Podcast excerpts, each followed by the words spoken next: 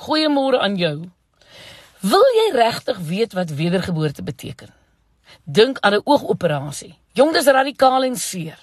Jy moet jou weer instel om nie te kan sien. En so gee wedergeboorte jou 'n nuwe kyk op die lewe, 'n nuwe visie. Dink maar aan die lewe van die apostel Paulus of dan aan die radikale Jood wat Saulus eers was. Kyk, Saulus was aggressief, jong. Hy was 'n harde mens. Daar was nie halwe mate by hom nie.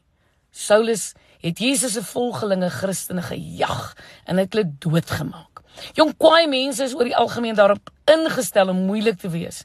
Hulle weet hoe om kwaad en sleg op te tree en Saulus was so 'n persoon. Maar op 'n dag is Saulus op pad om nog Christene uit te jaag. Maar iets gebeur wat sy spoed breek en wat sy visie uitdaag. En vir die eerste keer in sy lewe besef hy dit gaan nie net oor wette en godsdiens nie. Hy het 'n persoonlike ontmoeting met die Christus van die volgelinge.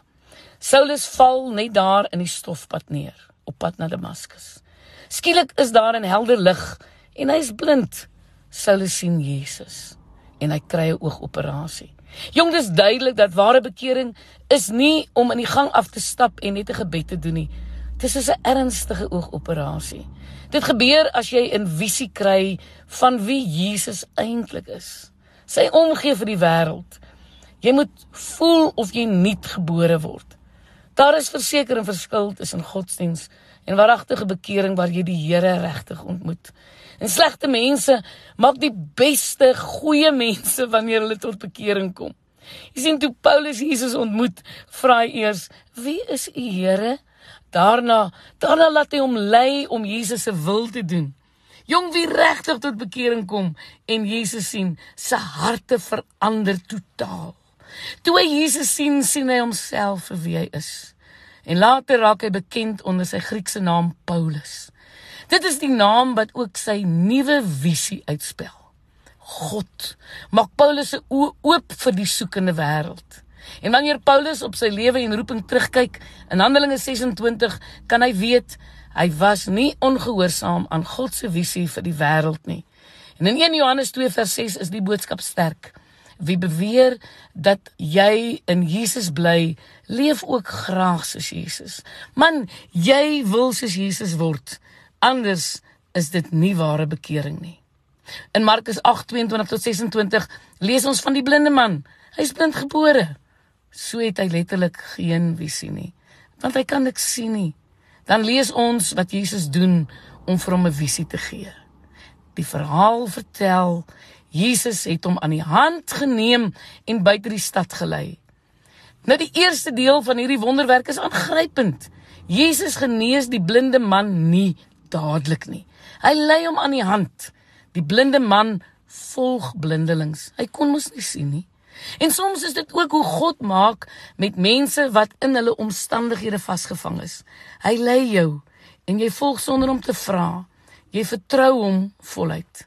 Baie mense dink jy moet duidelike aanwysings hê. Nee man, geloof beteken jy is bereid om blindelings agter die Here aan te loop. En daarna dat die blinde man bereid was om Jesus voluit te vertrou en hom te laat lei, dan volg die wonderwerk. Net die een wat sy lewe aan die Here toe vertrou, kan 'n ware wonderwerk verwag. Ons lees dat Jesus op die blinde se oë spoeg. Dan vra Jesus vir hom: "Sien jy iets?" En dan begin hy vaarfigure uitmaak. "Ek sien mense, iets soos bome. Ek sien hulle loop." Daarna raak Jesus die man se oë met sy hande aan en skielik man kon hy duidelik sien. Daar was die wonderwerk. Dit was nie die bietjie spoeg en hande op lê wat die wonderwerk gebring het nie. Die Here kon 'n wonderwerk doen omdat die blinde blindelings vertrou het. Dink 'n bietjie aan jou eie lewe. Moontlik gaan jy deur 'n egskeiding. Miskien het jy jou werk verloor. Dalk het die huise koop deur die mat geval. Jy voel in jou omstandighede vasgeval. Soek jy 'n wonderwerk? Is jy bereid om die Here blindelings te vertrou, dan gee hy jou 'n nuwe visie wat ook jou lewe omkeer. Ek is Lenet Beer vir Radio Kansel.